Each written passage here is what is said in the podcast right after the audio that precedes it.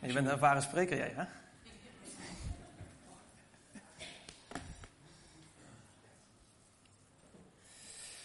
Man, wat we net gezongen hebben. Laatste stukje. Ik verlang naar Jezus. Kostbaar lam dat stierf voor mij. Heel mijn leven geef ik u. Heer, laat dat mijn offer zijn. Dat is een mooi laatste coupletje van een heel bijzonder lied waar we ons verlangen uitspreken. Heer, ik verlang zo naar u. En het mooie is dat God antwoord geeft. God geeft deze ochtend antwoord, God geeft iedere dag antwoord. Hij heeft hetzelfde verlangen om met jou en met mij om te gaan. Je, je zou bewijzen van ook kunnen staan, ik verlang naar jou. Daarom stierf ik voor jou. Laat dat mijn offer zijn. Amen. En dat offer, daar staan we deze ochtend weer bij stil. En ik vind het altijd heel bijzonder en speciaal om dat samen te doen als gemeente. Om waar Jezus over spreekt, als hij met zijn vrienden, zijn discipelen, het avondmaal, het brood en wijn viert. Om dat ook als gemeente samen te doen. En ook als je hier te gast bent, als je op vakantie bent of, of je bent hier voor de eerste keer. Ja, welkom. Welkom op dit moment waarin we samen eh, het eh, brood en wijn gaan vieren. Ik heb een beetje een, een, een, um, een roerige tijd achter de rug, waar ik natuurlijk zeker iets over wil delen. Wij zijn verhuisd. En dat was alweer even geleden dat ik uh, voor de laatste keer uh, verhuisd was, ben. Dus um, even de situatie. Wij wonen op, uh, op eigenlijk vier hoog. Er zit een winkel onder en daar nog een etage. En we hebben geen lift. En we wonen midden in het centrum. Oftewel, verhuizen liever alleen na sluitingstijd of voor sluitingstijd. Ja, dat is wel heel vroeg. Of voor openingstijd. Um, dus alles in de avonduren. En uh, gelieve genoeg mankracht mee te nemen. Want alles moet met de trap van boven naar beneden. En ik had al gekeken een paar weken geleden of dat kon met zo'n mooie lift. Maar dat was op mijn plek een beetje gecompliceerd. Dus er stond niks anders uh, ons uh, te wachten dan alle spullen oppakken en naar beneden toe brengen. En die verhuizing die heeft uh, soms al wat energie gekost, merk ik. Of als iemand tegen mij zegt, Arjan, zit je nou te slapen of je er nou bij?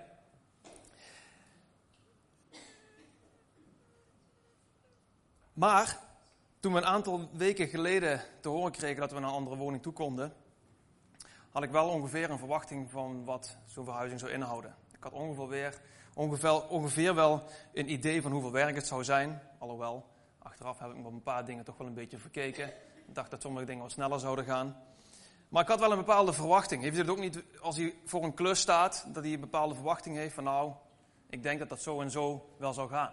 Toen we hier deze zaal hebben verbouwd, en aangekleed. En we met een paar mensen samen zitten, zaten, hebben we wel een uh, redelijke verwachting op papier kunnen zetten van het gaat zo lang duren en dit is zoveel werk en dit is ervoor nodig. Ik denk dat jullie dat allemaal wel herkennen. Dat had ik dus ook bij die, bij die, bij die verhuizing van de afgelopen twee weken. Ik wist wat me te wachten stond. Ik had op zich ook wel vertrouwen in het feit dat ik die klus zou kunnen klaren. En ik had vooral vertrouwen in een paar mensen om mij heen. Wat is het dan fijn dat je vrienden hebt die je gewoon kan bellen en die op dezelfde avond op de stoep staan om een aantal hele zware dingen naar beneden te brengen die ik echt niet alleen kon. Ik had vertrouwen in die mensen, in die vrienden van mij, familie. Uh, Def had denk ik ook wel redelijk wat vertrouwen in mij dat dat zou lukken. En ik denk dat u dat ook wel herkent. Dat als je voor zo'n klus staat, je niet begint zonder dat je ook enigszins vertrouwen hebt in jezelf of in de persoon die je vraagt om het te doen. Maar toen, ik kon natuurlijk niet op al die avonden, maar dat kon niet in één hele zaterdag. Um, en tussendoor ja, gaat je agenda ook wel redelijk door en hadden we nog wat afspraken staan die we zeker niet wilden missen. Dus op een gegeven moment als je in die avonden zit en je voor de 84ste keer met 40 kilo van vier hoog naar beneden loopt. Ik kwam wel eens op een moment dat ik er echt helemaal geen zin meer in had.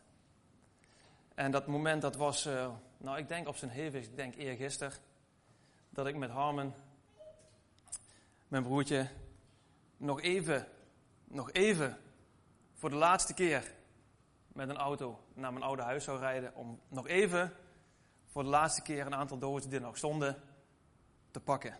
Nou, dat even, dat duurde uiteindelijk twee uur. Met twee man heel veel keer op en neer lopen. En daar hoef je geen medelijden mee te hebben, maar ik probeer alleen te schetsen dingen die we allemaal denk ik wel meemaken. We hebben verwachting in die bepaalde klus. We hebben ook wel op zich vertrouwen in, je, in, in, in elkaar en in jezelf. Maar als dan de feiten komen, de praktijk komt, de harde realiteit. En dit voorbeeld is eigenlijk nog maar een heel simpel voorbeeld. Er zijn natuurlijk heel veel ergere of minder erge voorbeelden nog te bedenken. Die kunt u vast zelf bedenken. Dan komt het erop aan of je kan doorzetten en volharden. Want als je dat niet doet, ja, wat is dan de consequentie? Ja, dat ik er nog vier weken over doe waarschijnlijk. Of dat het me heel veel geld gaat kosten, dat ik iemand moet inhuren. En toen ik hierover nadacht, over mijn verwachting, mijn vertrouwen en het feit dat ik eigenlijk wel een beetje doorzettingsvermogen soms miste en niet de meest ideale man was voor mijn lieve vrouw. En af en toe eens een keer, nou ja, hoe zeg je dat? Lichtelijk geïrriteerd rondliep, omdat juist dan de dingen ook uit je hand vallen. Je het wel eens gehad? Ik heb zo'n kast, zo'n IKEA-kast. Ja, ik zeg het één keer, maar ik twijfel om nog een keer zo'n kast te kopen. Dat zijn van die kasten, die zijn heel mooi, maar die moet je één keer in elkaar zetten. En daarna nooit meer uit elkaar halen en niks meer doen. Maar we hadden die kasten in onze slaapkamer staan en opgezet, twee, dezelfde. Maar dat trapgat van ons is te klein, dus dat ging er niet meer uit. Dus ik dacht van ja, dan moet het maar. Dus ik die kasten uit elkaar gehaald.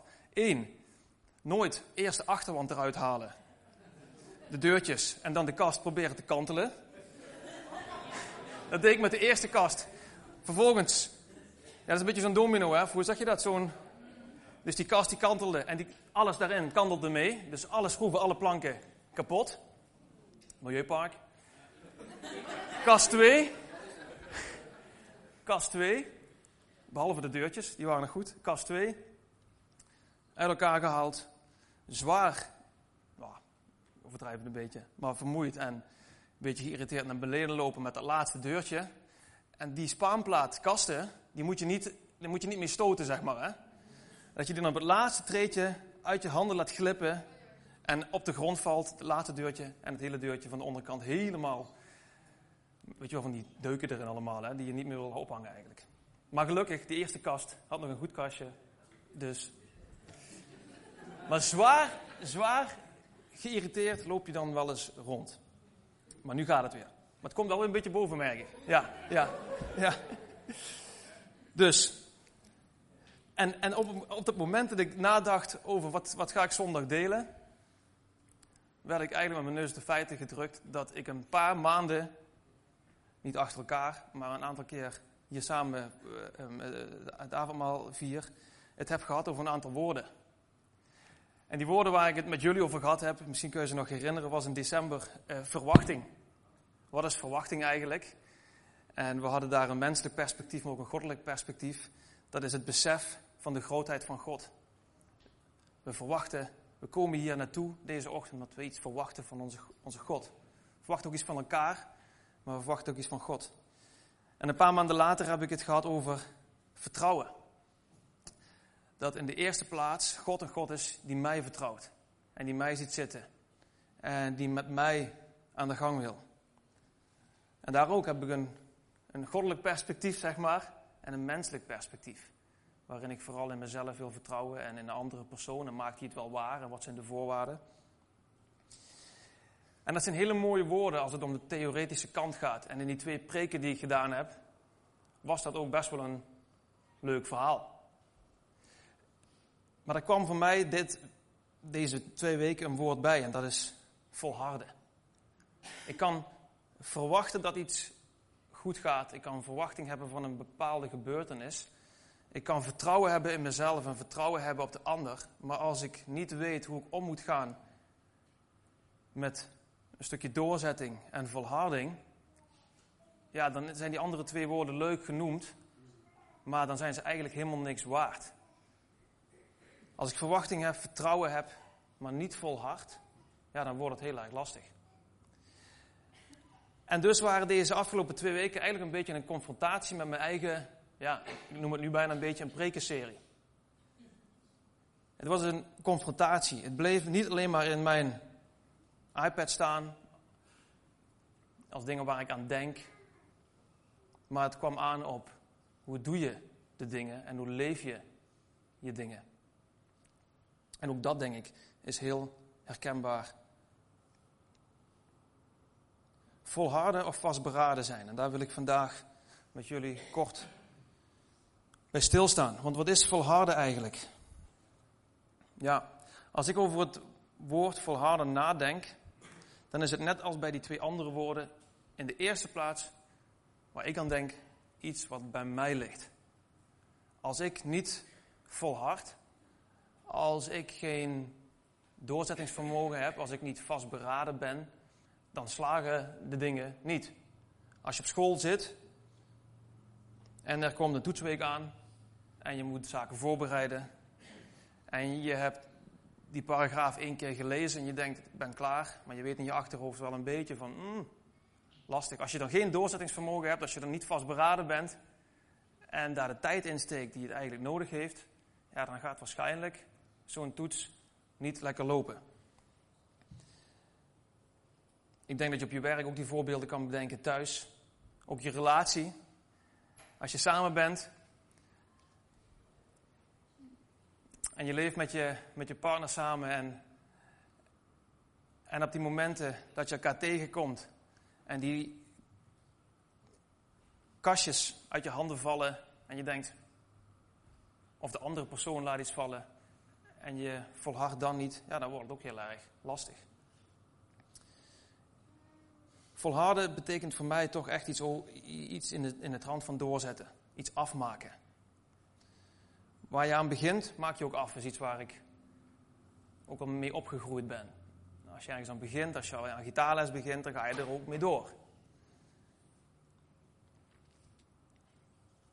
In de sport is het niet anders. Als je niet traint voor een wedstrijd, of je moet al heel veel talent hebben, maar voor 90%, nou noem maar 99% van de gevallen wordt het een mislukking. Max Verstappen moet vanmiddag weer rijden. Gaan we allemaal kijken, ja, toch? Of niet? Max Verstappen moet vanmiddag weer rijden in Italië. Als hij deze week niet getraind heeft, als hij niet in de simulator gezeten heeft om dat circuit in Italië te verkennen, dan gaat hij met een mindset van het circuit van Spa-Francorchamps die baan op vanmiddag en dan wordt die eerste bocht gelijk fataal. Volharden.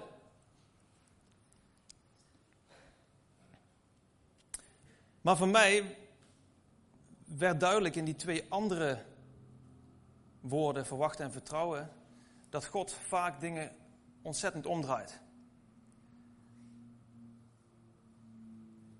Ik noem het voor mezelf een menselijk perspectief en een goddelijk perspectief. Vertrouwen betekende voor mij, ik moet vooral aan God vertrouwen. Maar als ik de Bijbel lees en de beloftes lees, dan zie ik dat God in de eerste plaats mij vertrouwde. God heeft ons Heilige Geest gegeven en is verwachtingsvol over mij. Maar hoe zit het dan met volharden? Want dat vond ik toch wel lastig. Volharden is toch echt iets wat bij mij leeft. Dat moet ik toch doen.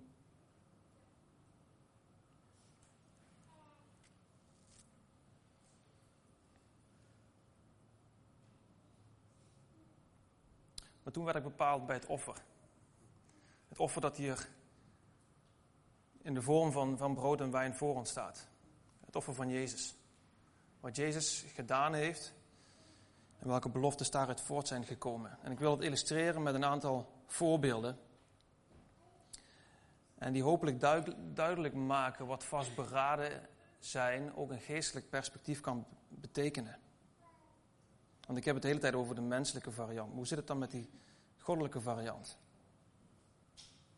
In Handelingen 1, vers 8 staat: Maar wanneer de Heilige Geest over jullie komt, zullen je kracht ontvangen en van mij getuigen in Jeruzalem, in heel Judea en Samaria, tot aan de uiteinden van de aarde. Dat was de eerste tekst die ik las en ik dacht gelijk, wauw, inderdaad. Volharden is zeker iets wat bij mij ligt, maar niet zonder hulp. God heeft een Heilige Geest gegeven die in ons woont, die met ons is iedere dag. En die mij kracht geeft. En die kracht die ik ontvangen heb, die mag ik gebruiken in mijn dagelijks leven. En toch vond ik het nog lastig, want dat vind ik een mooie Bijbeltekst. Maar kan het niet praktischer? Kan het niet praktischer? Kan ik niet zien wat die vastberadenheid dan betekent, Heer? En ik kwam bij een verhaal dat we misschien wel kennen, of ik denk allemaal wel kennen. Dat staat in Matthäus 14, vers 26. Ik heb vandaag geen dia's. Maar als u op wil of mee wil lezen, Matthäus 14, vers 26. Vanaf 26. Het verhaal het gaat over Petrus. Petrus was ook een volharder. Als discipel van Jezus.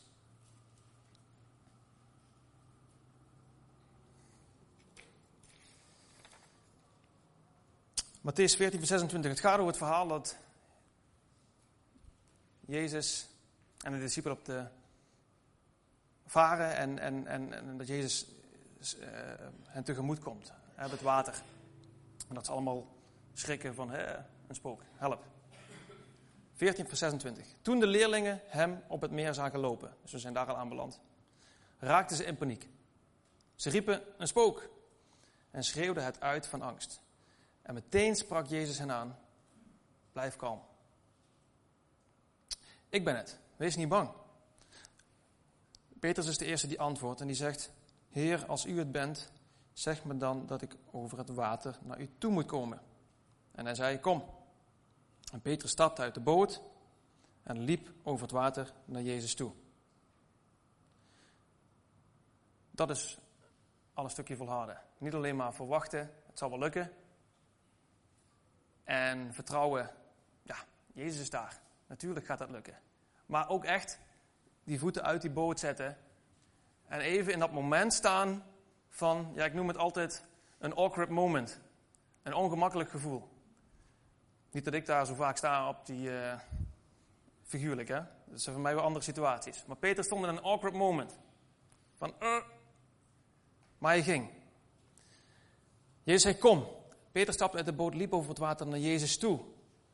Maar toen hij voelde hoe sterk de wind was, werd hij bang. Hij begon te zinken en schreeuwde het uit. Heer, red mij. Meteen strekte Jezus zijn hand uit.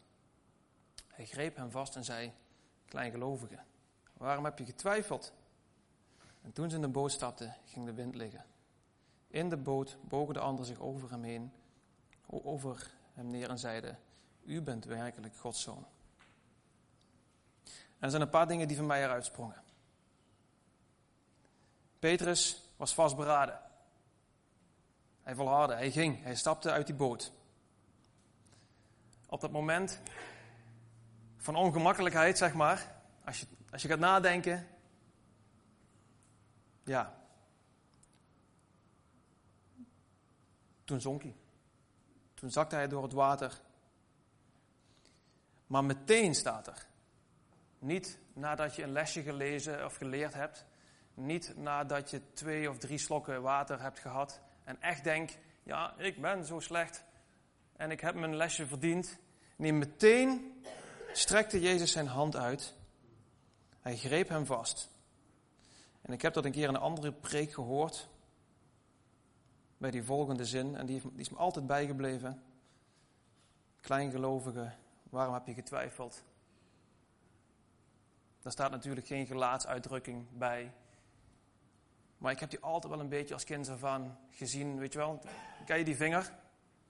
Ja. Ik bedoel, ik sta voor de klas dagelijks.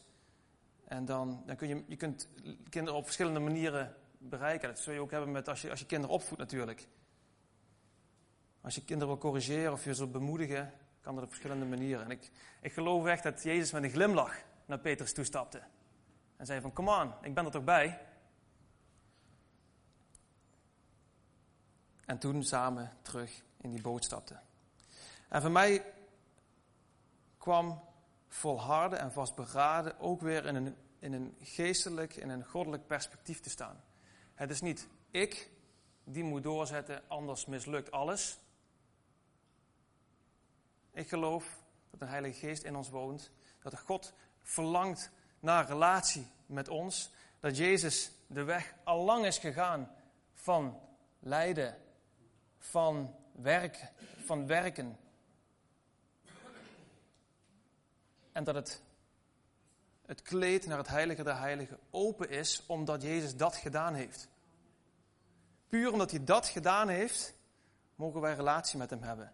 En is het niet een, een, een, een, religie door mensen bedacht, waarin we treetjes moeten gaan stappen en, en, en, en elk treetje heeft zo zijn voorwaarden. En als je daar nog niet bent, dan, dan verdien je ook dat niet. En als je daar nog niet bent, dan verdien je ook dat niet.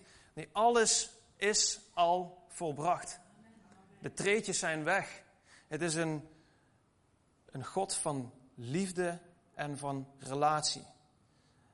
En ik en begrijp me niet verkeerd. Ik zeg niet, doe maar alles, want alles is goed voor je. Nee, ik denk dat iedereen wel snapt dat echt niet alles goed voor je is. Dus daar heb ik het ook niet over. Maar er is geen principe van treetjes.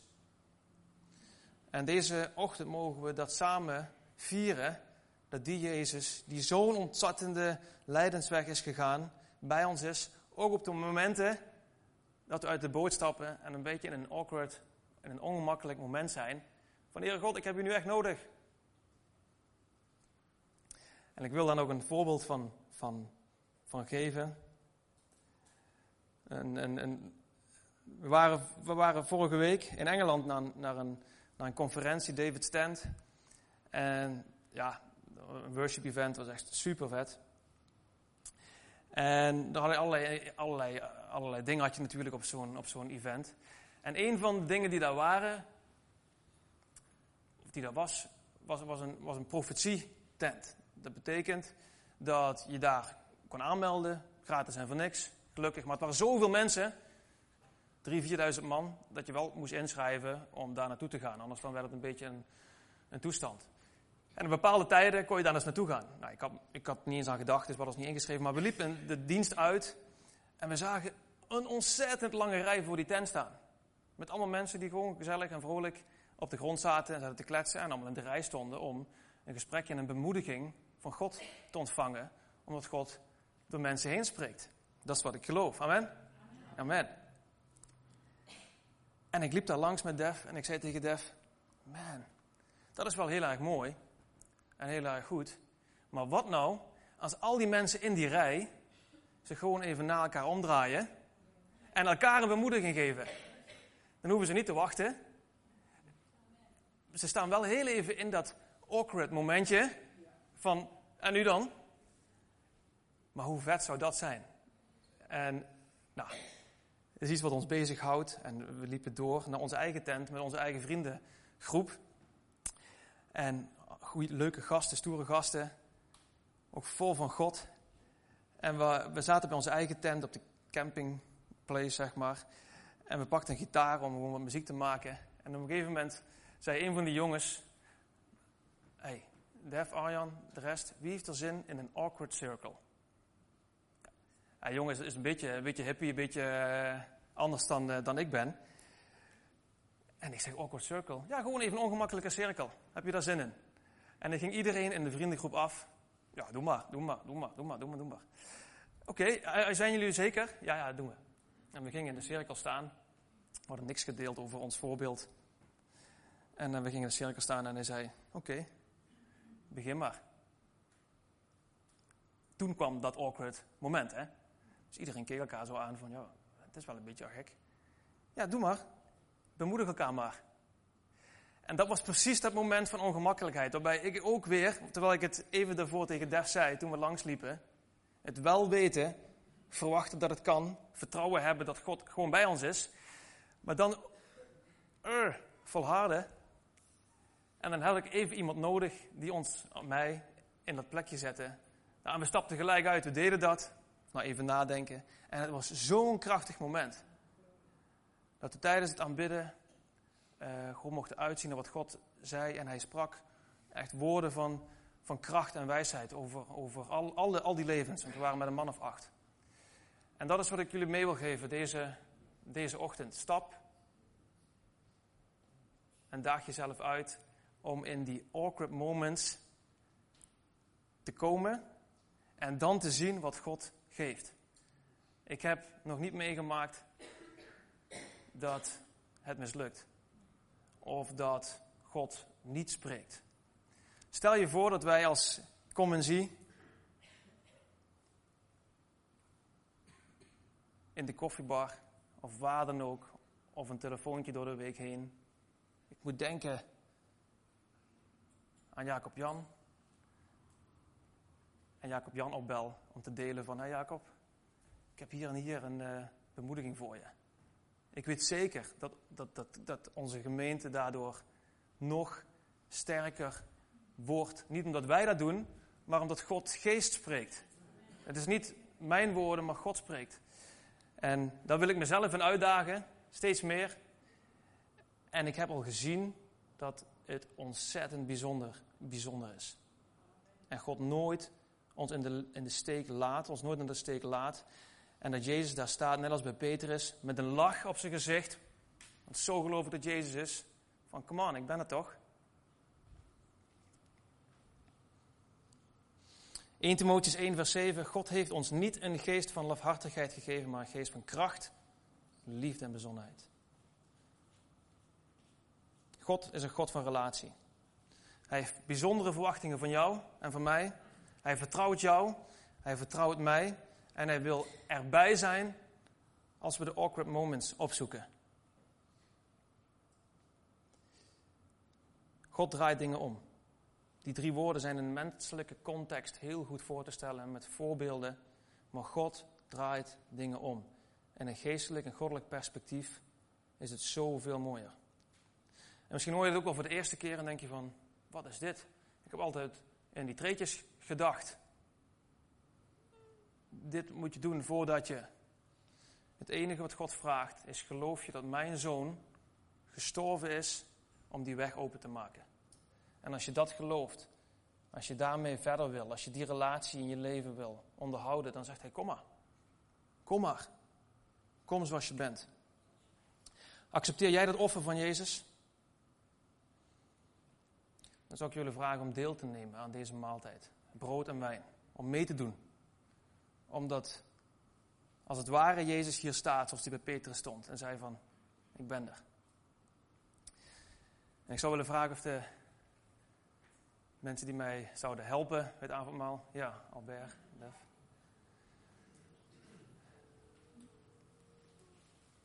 Een brood ook willen breken.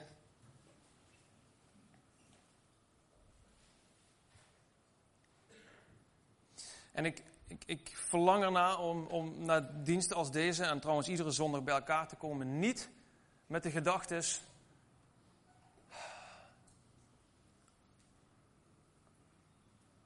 Arjan, Bart, Albert, wie dan ook, wie spreekt, was mooi. Was, was goed, was fijn.